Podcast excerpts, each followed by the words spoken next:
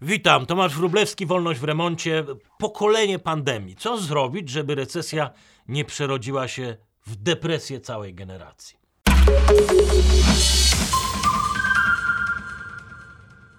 Jeszcze pół roku temu porównanie z wielkim kryzysem 29 roku byłoby ekonomicznym szalbierstwem, ale dziś jest coś, co łączy te dwie tak różne epoki. Praca, troska o miejsce pracy. Tak jak w 2008 roku największym wyzwaniem było ratowanie finansów publicznych i systemów bankowych, tak w latach 30.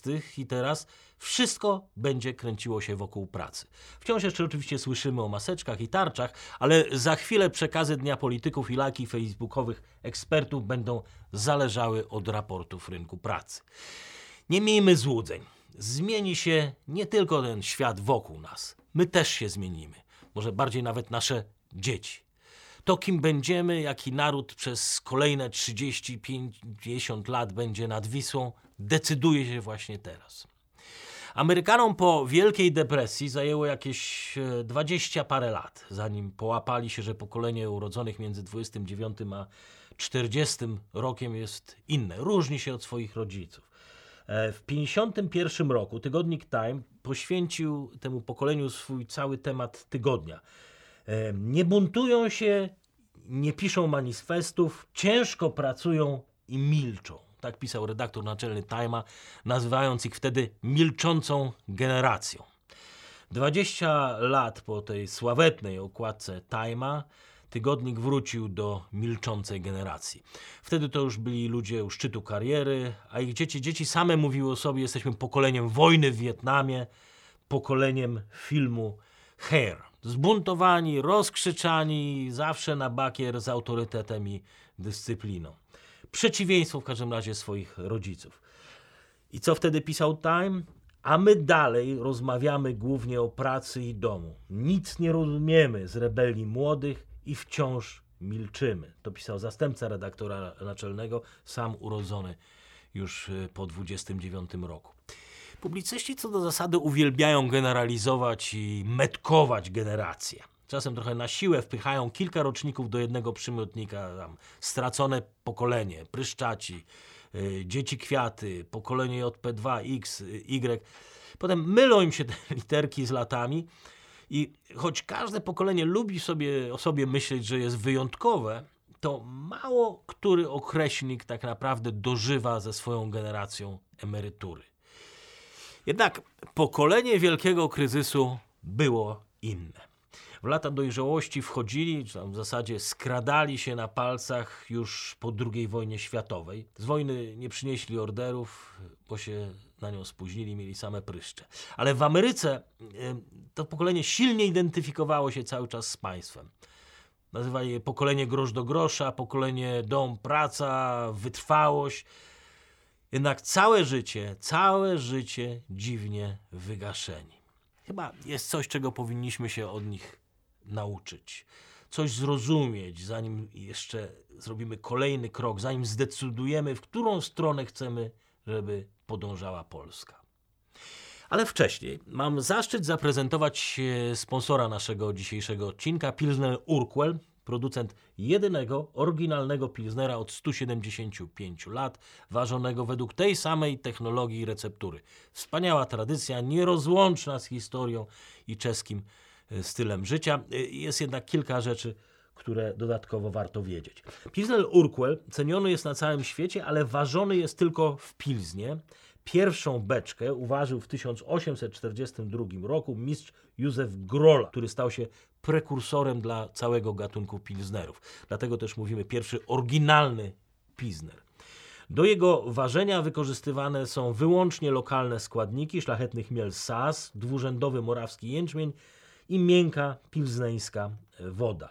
Tradycja Pilsner Urquell to nie tylko smak, kolor, nazwa, to też kunszt rzemieślników. E, oczywiście piwowarów, ale też tapsterów i bednarzy, którzy od XIX wieku stoją na straży jakości piwa z pilzneńskiego browaru. Teraz y, piwowar a tapster, czym się różnią?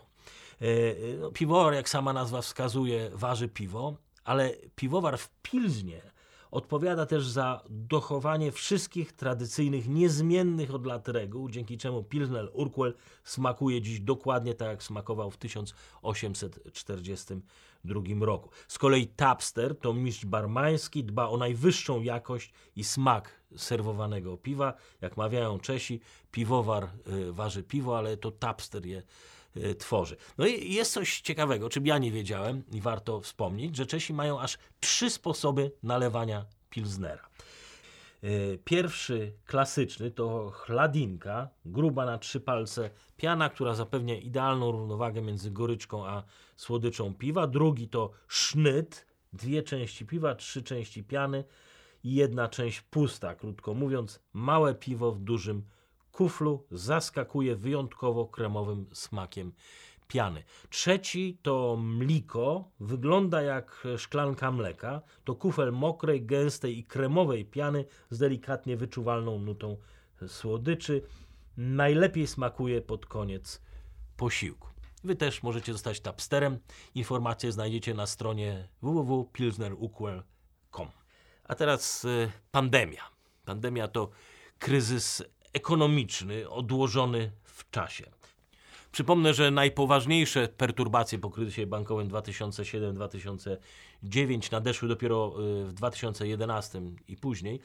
Y, Krach w 29 roku tak najmocniej uderzył w rynek pracy w Stanach Zjednoczonych w 1933 roku, to było 25% y, bezrobotnych, w Niemczech 15%, pod koniec 1933 roku. E, W tym samym roku zresztą e, padł rekord dla całej Europy 25%. E, Dla Polski najwyższy pułap 34% bezrobocia to dopiero 1935 rok.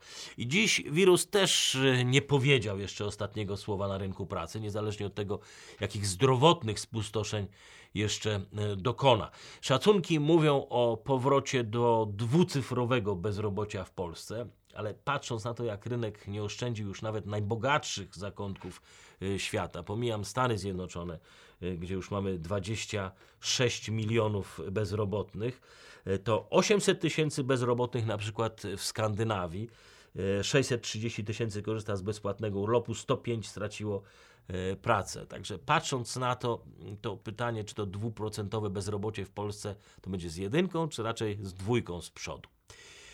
To, co na pewno różni obecny kryzys od tego 90 lat temu, to skala interwencjonizmu. Z wyjątkiem keynesistowskich programów gospodarczych Roosevelta i faszystowskich Niemiec, e, nigdzie poza czasami wojny nie mieliśmy do czynienia z takim zalewem e, pieniądza. Według e, Funduszu Walutowego łączna wartość programów pomocowych to ponad 14 bilionów dolarów. Koszt samych przestojów to y, 9 bilionów, a łączny dług publiczny przewidywany to 66 bilionów, średnio jakieś 122% PKB na państwo.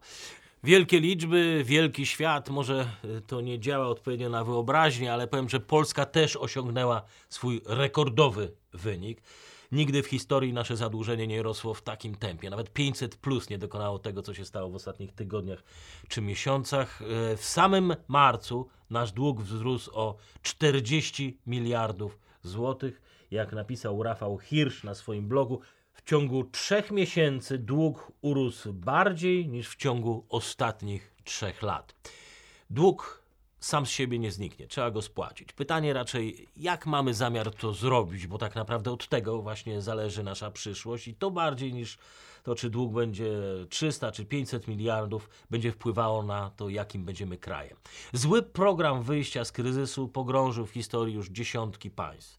Stawką dla Polski jest tutaj szansa na wejście do klubu najbogatszych państw Europy albo Kolejny historyczny zawód i dryfowanie w stadzie państw i państewek w długim łańcuchu dostaw dla e, niemieckiego eksportu. Historycznie rządy radziły sobie z długiem na trzy sposoby. Pierwszy nie płaciły, co ładnie nazywa się restrukturyzacją długu. Polska raz już przeszła przez to w latach 90., kiedy rozkładaliśmy na raty długi Gierka. Nie było ani tanio, ani przyjemnie. Przyczyniło się do pauperyzacji całej klasy pracującej, także raczej nie będziemy tego powtarzali. Drugi sposób podnieść podatki i ciąć wydatki. Brzmi naturalnie i naturalnie najciężej jest to przeprowadzić, choć w jakiejś mierze myślę, że ten scenariusz będzie w Polsce ćwiczony.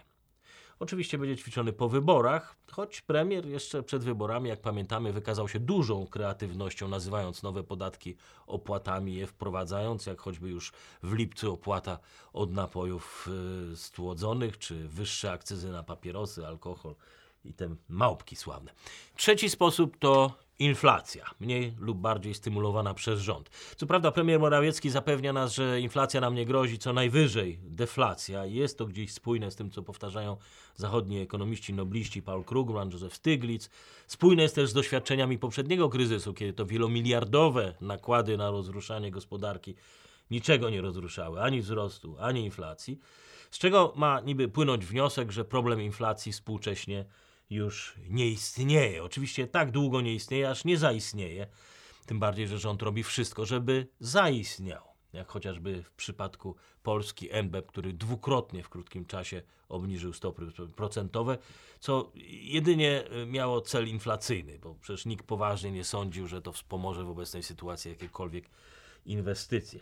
Milton Friedman i Anna Schwarz, ekonomiści zamierzchłej ekonomii, w książce Historia monetarna Stanów Zjednoczonych, twierdzili, że choć e, przyczyną krachu 29 roku był brak płynności pieniądza, to jednak nadmierny interwencjonizm był potem przyczyną wieloletniej już depresji. Dzisiaj mamy ograniczony popyt i słabą podaż, także rzeczywiście nie sprzyja to e, inflacji. Ale pytanie, co stanie się, kiedy wielomiliardowe tarcze ostatecznie zaleją świat? Co jeżeli fura pieniędzy będzie się uganiała za bardzo ograniczoną ilością towaru? Już dziś banki cierpią na sporą nadpłynność przy ograniczonych już możliwościach akcji kredytowej. Miliony Europejczyków dostają zapomogi, firmy dostają e, wsparcie. To, to nie jest zwykły kryzys, kiedy ludzie nie mają pieniędzy. Tu jak na razie pieniądz szuka beneficjenta. E, Tim Congdon, prezes Instytutu Badań Monetarnych przy University of Buckingham, e, zwraca uwagę, że w przeciwieństwie do wielkiego kryzysu, kiedy to podaż pieniądza kurczyła się, skurczyła się o 38%, dziś pisze, zastrzyki antykryzysowe zwiększyły wartość depozytów bankowych o 175%, również w Polsce co znacząco przekracza podaż ostatniej, największej inflacji w latach 70. E, poprzedniego wieku. Może i mniej kupujemy samochodów, mieszkań, nie korzystamy z hoteli. Pomijam fenomen papieru toaletowego, ale mamy już też pierwsze podwyżki np. chleba, mąki, makaronów. Pamiętajmy też, że złoty to już nie jest ta sama waluta co kilka miesięcy temu. Spory spadek w, e, względem euro czy dolara musi i wpływa na ceny. Nie tylko towarów z importu. Ceny krajowych produktów też będą musiały się dostosować do światowych. Po prostu polskie sklepy będą konkurowały o polską żywność e, z zachodnimi e, sklepami. To jest e, niezależne oczywiście od państwa, ale już obniżka, wspomniana obniżka stóp procentowych była jak najbardziej przemyślana. Jak mówiliśmy, inwestycji ona w żadnym wypadku nie pobudza. Tak długo jak rządowi uda się utrzymywać stopy procentowe poniżej, poniżej tempa wzrostu gospodarczego, tak długo będzie mógł finansować swój dług, obniżając wartość pieniądza i obniżając wasz, wartość naszych zarobków. To prawda, że płace nominalne w Polsce rosną, ale jak już przeliczymy to na przykład na dolary czy franki, to zobaczymy, że wzrost płac jest wolniejszy od wzrostu cen. Mimo zapewnień rządowych ekonomistów, nie, nie, inflacja nam nie grozi, E, te osoby, które mają pieniądze, no nie przypadkiem uciekają z nimi albo z kraju, albo w e, bardzo bezpieczne inwestycje. Złoto i srebro lokacyjne. Ceny powindowały w górę i między Londynem a Warszawą tak naprawdę trudno jest zlokalizować jakiekolwiek e, monety kupić, zainwestować złoto. Oczywiście złoto nie jest jedynym sposobem ucieczki przed inflacją, ale rząd ma też swoje sposoby, żeby dodatkowo utrudniać nam ratowanie pieniędzy przed inflacją. W ekonomii to ma swoją nazwę represja finansowa. Termin ukuło dwóch profesorów ekonomii Ronald McKinnon i Edward Shaw. Otóż twierdzili, że rządy wspomagające inflację zwykle też ograniczają swoim obywatelom możliwości zamrażania pieniędzy.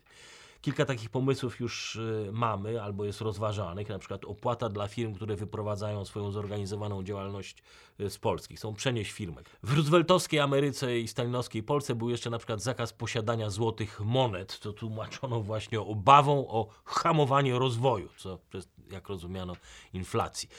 Wiele etatystycznych pomysłów tragicznych tych lat 30 powraca, choćby kontrola cen, którą proponuje e, nasz rząd, sławne już uszczelnianie systemu podatkowego w nieskończoność. To wszystko są wymysły epoki Wielkiej Depresji. Theodore Roosevelt swojej zapalczywości przystąpił w 1933 roku do pełnego uzależniania gospodarki od państwa. E, firmy niby pozostawały prywatne, ale właściciele byli ubezwłasnowolnieni w swoich decyzjach. Potem Hitler naśladował ten model i doprowadził go już w Niemczech do pełnej perfekcji.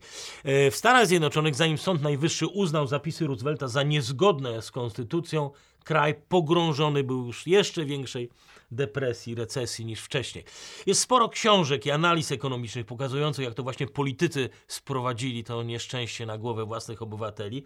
Jedna z nich to jest e, Jim Powell w książce Szaleństwa Roosevelta doskonale to tłumaczy. Po co politycy to robią? No, po pierwsze, bo to szybkie wyjście z kryzysu, to takie wymarzone wyjście w kształcie litery V, to wymaga dużo poświęceń, trzeba ludziom powiedzieć prawdę. Trzeba im powiedzieć, że zanim będzie dobrze, to jeszcze przez jakiś czas musi boleć. Politycy, jak wiemy, tego bardzo, bardzo tego nie lubią. Po drugie, to są powody polityczne. Łatwiej jest być obrońcą mas niż obrońcą tych, którzy masom dają pracę i czegoś od nich wymagają, bo zwalniają z pracy. Także przerzucając koszty kryzysu na firmy i na bogatych jest łatwiej prowadzić politykę, ale gospodarka wyzbywa się kapitału na inwestycje i restrukturyzację, która stworzyłaby w przyszłości więcej miejsc pracy, szybciej pozwoliłaby na spłacenie długów bez podnoszenia podatków. A tak w ten sposób kryzys rozciąga się w czasie, trochę tak jak w Ameryce recesja przechodziła w depresję. Jest jeszcze jeden powód, dla których politycy to lubią. Im dłużej trwa kryzys, tym więcej władzy idzie po prostu do polityków. U szczytu swoich szaleństw, tak pisał Powell w książce, z pieniędzy podatników organizowano parady poparcia, billboardy, plakaty i reklamy radiowe, wszystkie zaprojektowane, by uciszyć tych, którzy kwestionowali politykę rządu. Konkurencja na przykład i obniżanie cen było publicznie napiętnowane jako zdrada narodowa, a wszystko to jeszcze dodatkowo skąpane w takim chórku wielkiej solidarności, w rzeczywistości pogrążające w nędzę tych, którzy, którym miało to pomagać.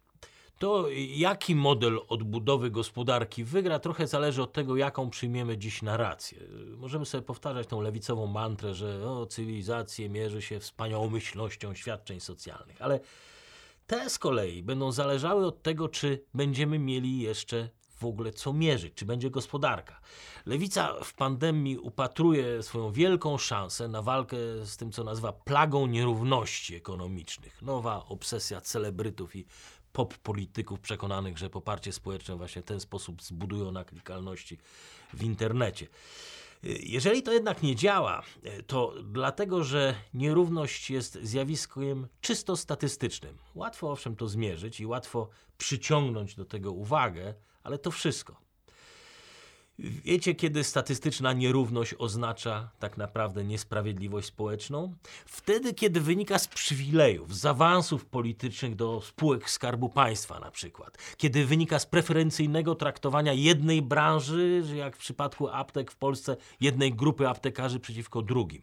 Przywileje nie budujące społecznego kapitału, a, kapitału, a jedynie budujące nierówności. Zależy od dotacji dla swoich mediów, a nie obcych na tym nie buduje się ani wolności sława, ani konkurencji idei.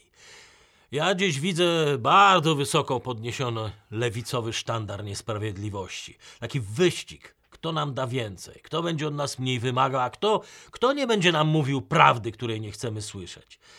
Taki na przykład zgiełk, który podniósł się przy okazji projektu Tarcza 3.0. Pierwsza tarcza, która nie rozdaje pieniędzy, nie zaciąga w naszym imieniu długów, ale tworzy warunki do uporania się z długami bez pogrążania milionów ludzi w nędzy w dalszej przyszłości. Ktoś miał odwagę powiedzieć ludziom prawdę. Powiedzieć im, że łatwo nie będzie. Dlatego proponuję na przykład możliwość obniżania wymiaru czasu pracy tylko po to, żeby uratować wiele miejsc pracy w przyszłości. 10% cięcie zarobków, które może być ceną za uratowanie wszystkich miejsc pracy w firmie. Przymusowy urlop, zniesienie procedury zwolnień grubowych to są bolesne decyzje, ale to są zmiany właśnie na te czasy. Restrukturyzacja i szybka rekuperacja tak chętnie sobie bajdurzymy w radiu i w telewizji, że to taka najstraszniejsza katastrofa od 100 lat. No to uczmy się na błędach sprzed 100 lat. Nie powtarzajmy błędów, które recesje przekuły kiedyś w depresję. Wpadliśmy w tragiczną pułapkę dychotomii własnego myślenia. Z jednej strony mówimy, że świat nie będzie już taki sam, a z drugiej strony niech tylko nic się wokół nas nie zmienia.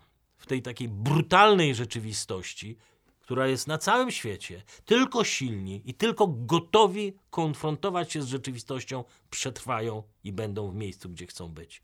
Unia Europejska umarła. Narodziła się Europa narodów, egoistyczna i czyhająca na niezborność innych. Północ nie ma zamiaru brać odpowiedzialności za katastrofę południa. Za pomoc będą musieli płacić sami. Amerykańskie banki wycofują się z Chin, ale wycofują się też z Europy tej poharatanej finansami. Nie mają zamiaru jej pomagać. Odmawiają kredytów, ograniczają nawet możliwość inwestycji własnych obywateli w Europie. Chiny, Chiny odmawiają negocjacji w sprawie zaległych kredytów, które udzieliły słabszym państwom i chcą, chcą dzisiaj zajmować nieruchomości wszędzie od Afryki po Europę. Świat staje się brutalny, a tutaj nasze związki zawodowe w sprawie tarczy 3.0 nagle mówią, że nie można uprawiać wolnej Amerykanki. A jaką Amerykankę chcemy uprawiać? Tą z czasów depresji? Co z tego, że powiemy sobie, świat nie będzie wyglądał już tak samo, skoro sami robimy wszystko tak samo? Możemy dalej oczywiście poklepywać się e, po ramieniu i mówić, jakie fajne i hojne mamy spółki Skarbu Państwa, co maseczki produkują, a potem pękać będziemy z dumy, kiedy Orlen po bankrutujących spółkach energetycznych będzie musiał przejmować słabnące banki. Brawo my! Dobrze na przykład, że rozmawiamy o przechwytywaniu przez Polskę firm uciekających z Azji. Gorzej, że nie bardzo rozumiemy o co tutaj chodzi. Firmy wyceniając koszty wyprowadzki z Chin rekompensują je wcale nie szukając takich samych przyczółków taniej siły roboczej z uprzykrzającymi im życie urzędnikami. Szukają nowych rozwiązań technologicznych, rozwiązań eliminujących większość tych kosztów. Szukają państw z małym ryzykiem politycznym, przewidywalnym rządem, a nie takim, który nagle zaatakuje mleczarnię za to, że sprowadzają mleko z zagranicy. Sądzicie, że oazą dla firm technologicznych będzie kraj, którego premier walczy o ustanowienie nowych ogólnoeuropejskich podatków cyfrowych? Nawet eurourzędnicy wiedzą, że opodatkowywanie nowoczesnych technologii międzynarodowych koncernów, które za chwilę będą odpowiedzią na decoupling, ten globalny rozwój z Chinami i budowanie większej samowystarczalności byłoby, graniczyłoby z szaleństwem. Mark Zuckerberg na apele, żeby płacić podatki tam, gdzie się zarabia, odpowiedział bardzo proszę. Jest gotów usiąść z każdym z państw i ustalić wysokość podatków, która pozwoli mu odpowiednio wycenić swoje usługi. To my zapłacimy brakiem rozwoju gospodarczego i marazmem. Tymczasem Polska jest dziś w awangardzie, w awangardzie państw domagających się narzucenia w Unii wszystkim wyższych podatków. To oczywiście utrzymane jest po etyce walki z rajami podatkowymi i tak dalej, ale na liście domniemanych rajów Morawieckiego znajduje się Irlandia, kraj, który, którego obywatele dzięki deregulacji i niższym podatkom pierwszy raz w historii są bogaci od Brytyjczyków. Tymczasem Polska jest w ścisłej czołówce państw z najgorszymi systemami podatkowymi. Na 36 badanych państw w Europie jesteśmy na 35 miejscu. Czy sądzicie, że tu chcą inwestować zagraniczne firmy? Ile razy politycy muszą się sparzyć, zanim usłyszą, że żaden, żaden naród w historii nie wzbogacił się na opodatkowywaniu własnych obywateli? To, co premier nam tutaj mówi, to że zamiast naprawiać nasz tragiczny system podatkowy, chcemy, żeby inne kraje popsuły swój. Wiecie Państwo, jak Chiny przygotowują się do tego, yy, co, tego świata, co nigdy już nie będzie taki sam? Obniżają właśnie podatki. Tak pięknie pan premier opowiada, że wirus to też dla nas e, szansa cywilizacyjna. Szansa do czego? Do wyższych podatków, do większej redystrybucji, do większego uzależnienia firm od państwa i jeszcze wyższej inflacji? Pandemię spotęgowała niepewność, nasza politycznie spreparowana niepewność. Kruchość instytucji, asekuranstwo administracji, upartyjnienie procesu legislacyjnego, kunktatorski wreszcie interwencjonizm. I teraz co? Naszą strategią na nowe czasy ma być więcej tego samego? Zapraszam na kolejny odcinek Wolności w Remoncie na kanale Warsaw Enterprise Institute, a w wersji audio w Spotify i podcastach iTunes.